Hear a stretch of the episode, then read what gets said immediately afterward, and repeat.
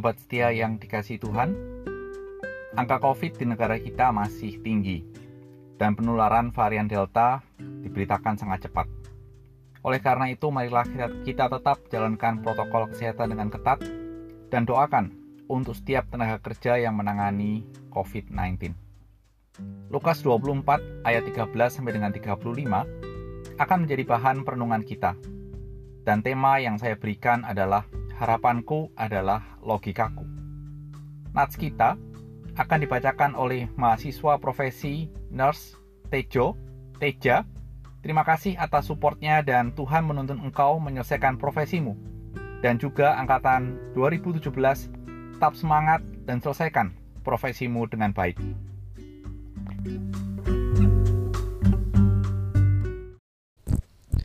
Lukas 24 ayat 13 sampai 35. Dengan perikop, Yesus menampakkan diri di jalan ke Emmaus. Pada hari itu juga ada orang dari murid-murid Yesus pergi ke sebuah kampung bernama Emmaus yang terletak kira-kira tujuh mil jauhnya dari Yerusalem. Dan mereka bercakap-cakap tentang segala sesuatu yang telah terjadi. Ketika mereka sedang bercakap-cakap dan bertukar pikiran, datanglah Yesus sendiri mendekati mereka lalu berjalan bersama-sama dengan mereka. Tapi ada sesuatu yang mengalami mata mereka sehingga mereka tidak dapat mengenali dia. Yesus berkata pada mereka, Apakah yang kamu percakapkan sementara kamu berjalan? Maka berhentilah mereka dengan muka muram. Seorang dari mereka namanya Kelopas menjawabnya, Adakah engkau satu-satunya orang asing di Yerusalem yang tidak tahu apa yang terjadi di situ pada hari-hari belakangan ini? Katanya kepada mereka, apakah itu? Jawab mereka, apa yang terjadi dengan Yesus orang Nazaret? Dia adalah seorang nabi yang berkuasa dalam pekerjaan dan perkataan di hadapan Allah dan di depan seluruh bangsa kami. Tapi imam, imam kepala dan pemimpin-pemimpin kami telah menyerahkan dia untuk dikumati dan mereka telah menyalibkannya. Padahal kami dahulu mengharapkan bahwa dialah yang datang untuk membebaskan bangsa Israel. Tetapi sementara itu telah lewat tiga hari sejak semua itu terjadi. Tapi beberapa perempuan dari kalangan kami telah mengejutkan kami. Pagi-pagi buta, mereka telah pergi ke kubur dan tidak menemukan mayatnya. Lalu mereka datang dengan berita bahwa telah kelihatan pada mereka malaikat-malaikat yang mengatakan bahwa ia hidup dan beberapa teman kami telah pergi ke kubur itu dan mendapatkan bahwa Memang benar yang dikatakan perempuan-perempuan itu, tapi dia tidak melihat. Lalu ia berkata kepada mereka, "Hai kamu orang bodoh, betapa lamban hatimu sehingga kamu tidak percaya segala sesuatu yang telah dikatakan para nabi. Bukankah Mesias harus menderita semua itu untuk masuk ke dalam kemuliaannya?" Lalu ia menjelaskan kepada mereka apa yang tertulis tentang dia dalam seluruh kitab suci mulai dari kitab-kitab Musa dan segala kitab nabi-nabi. Mereka mendekati kampung yang mereka tuju lalu ia berbuat seolah-olah hendak meneruskan perjalanannya. Tetapi mereka sangat mendesaknya katanya, tinggallah bersama-sama dengan kami. Sebab hari telah menjelang malam dan matahari hampir terbenam. Lalu masuklah ia untuk tinggal bersama-sama dengan mereka. Waktu ia duduk makan dengan mereka, ia mengambil roti mengucap berkat lalu memecah-mecahkannya dan memberikannya kepada mereka. Ketika itu terbukalah mata mereka dan mereka pun mengenal dia. Tapi ia lenyap dari tengah-tengah mereka. Kata mereka seorang kepada yang lain, bukankah hati kita berkobar-kobar ketika ia berbicara dengan kita di tengah jalan dan ketika ia menerangkan kitab suci kepada kita, lalu bangunlah mereka dan terus kembali ke Yerusalem. Di situ mereka mendapati kesebelas murid itu mereka berkumpul bersama-sama dengan teman-teman mereka. Kata mereka itu, sesungguhnya Tuhan telah bangkit dan telah menampakkan diri kepada Simon. Lalu kedua orang itu pun ceritakan apa yang terjadi di tengah jalan dan bagaimana mereka mengenal dia pada waktu ia memecah-mecahkan roti.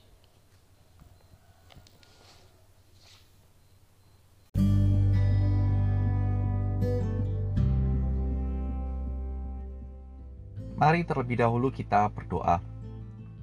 Bapa kami dalam surga, biarlah firman Tuhan hari ini boleh menolong kami untuk lebih mengenal Engkau dan kami hidup di dalammu. Demi Kristus, amin. Sobat setia, dalam perjalanan studi kita di sekolah, sebagai mahasiswa atau siswa kita diminta untuk memahami teori secara utuh. Namun sering kali kita hanya bisa memahami teori yang diajarkan oleh guru atau dosen secara parsial atau sebagian. Hal inilah yang muncul juga dalam nats kita. Ada percakapan dua murid yang sedang berjalan ke Emmaus, dan topik yang mereka percakapkan adalah Tuhan Yesus. Dan dalam percakapan itu, Tuhan Yesus hadir, ikut dalam apa yang mereka bicarakan, dan ternyata mereka mengenal Tuhan Yesus hanya sebagai nabi. Dan juga mereka mengharapkan Tuhan Yesus datang untuk membebaskan bangsa Israel dari penjajahan. Hal itulah yang memang terjadi dalam Perjanjian Lama, di mana Nabi membawa bangsa Israel melawan musuh-musuh mereka, dan konsep ini masih melekat. Dan pengharapan mereka itu mereka nyatakan paling tidak dalam Minggu Palem di cerita yang lalu, bahwa saat itu mereka percaya bahwa Tuhan Yesus akan membebaskan. Namun ketika Tuhan Yesus disalib, mereka mulai berpikir, orang-orang mulai berpikir, mungkinkah dia ini Mesias? Kalau Mesias, mengapa dia disalib? Karena saat itu kematian di atas salib adalah hal yang hina. Dan itu dikonfirmasi dengan ketika Kristus disalib, di sebelah kiri dan kanannya ada dua penjahat yang disalibkan. Itulah macam orang yang layak untuk disalibkan. Dari cerita yang singkat ini, kita melihat bahwa mereka mengharapkan Tuhan Yesus yang mereka kenal sebagai nabi untuk memenuhi harapan mereka. Dan prinsipnya adalah pengenalan mereka membawa kepada sebuah pengharapan. Dan konsep yang sama yang akan kita refleksikan sering kali terjadi dalam diri kita.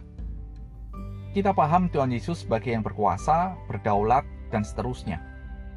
Dan dengan pengenalan kita itu, kita mengharapkan Tuhan Yesus yang berkuasa bisa melakukan apa saja yang kita harapkan.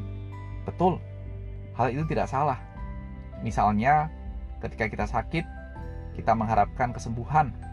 Ketika kita susah, kita mengharapkan satu hal yang membebaskan. Ketika kita sulit secara ekonomi, kita berharap Tuhan menjadikan kita sultan, bahasa anak-anak sekarang.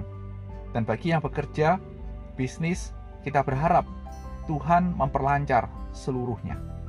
Dan hal inilah yang sering kali kita dengar dari seberang supaya hari ini dilancarkan. Seringkali kita berharap Tuhan melakukan sesuatu seperti yang kita kenal dan kita maui.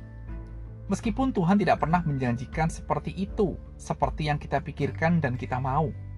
Tapi kita berpikir dalam kemahaannya, dia mampu dan dia bisa melakukan apa pun sehingga kita menaruh harapan penuh kepada Tuhan.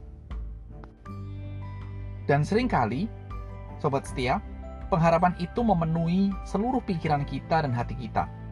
Dan sering kali juga pengharapan itu tidak terpenuhi dalam cerita ini. Dan apa respon kita? Biasanya kita marah dan biasanya Tuhan kita jadikan sansak hidup.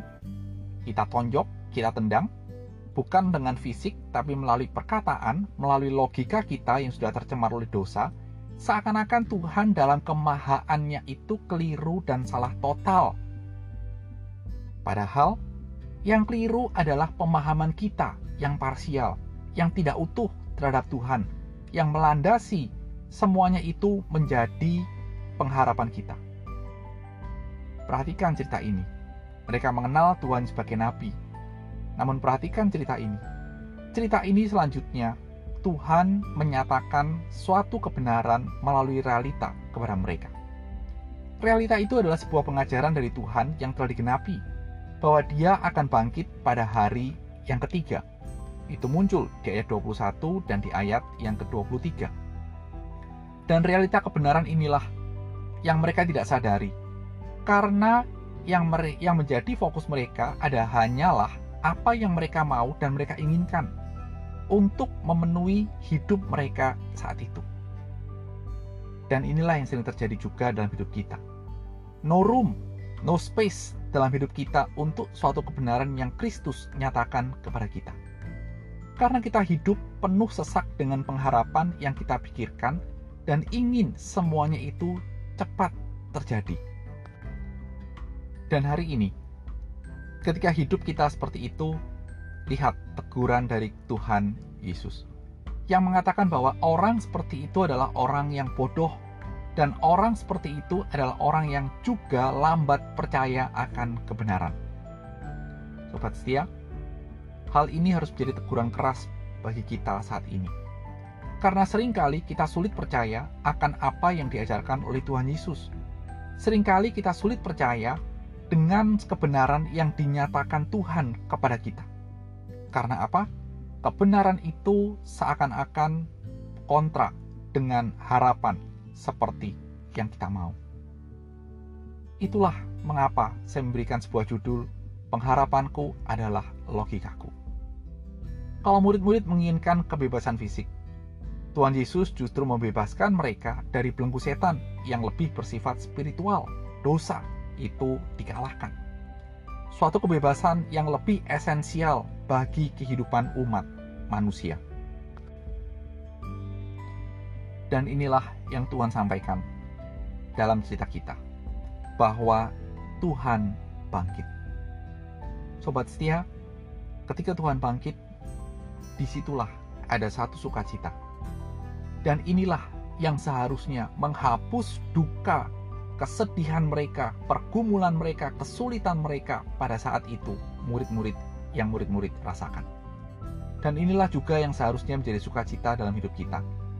Dan pengenalan inilah yang seharusnya menjadi pengharapan kita dalam menjalani kehidupan dalam dunia yang kita sama-sama tahu sulit, susah, dan tidak ada yang mudah. Suatu pengharapan seperti inilah yang harusnya menyetir hidup kita bukan pengharapan seperti logika kita yang menyetir dan mengarahkan hidup kita. Kita harus bisa masuk dalam rencana Allah untuk menikmati sukacita dalam Tuhan. Oleh karena itu, mari kita jawab pertanyaan ini.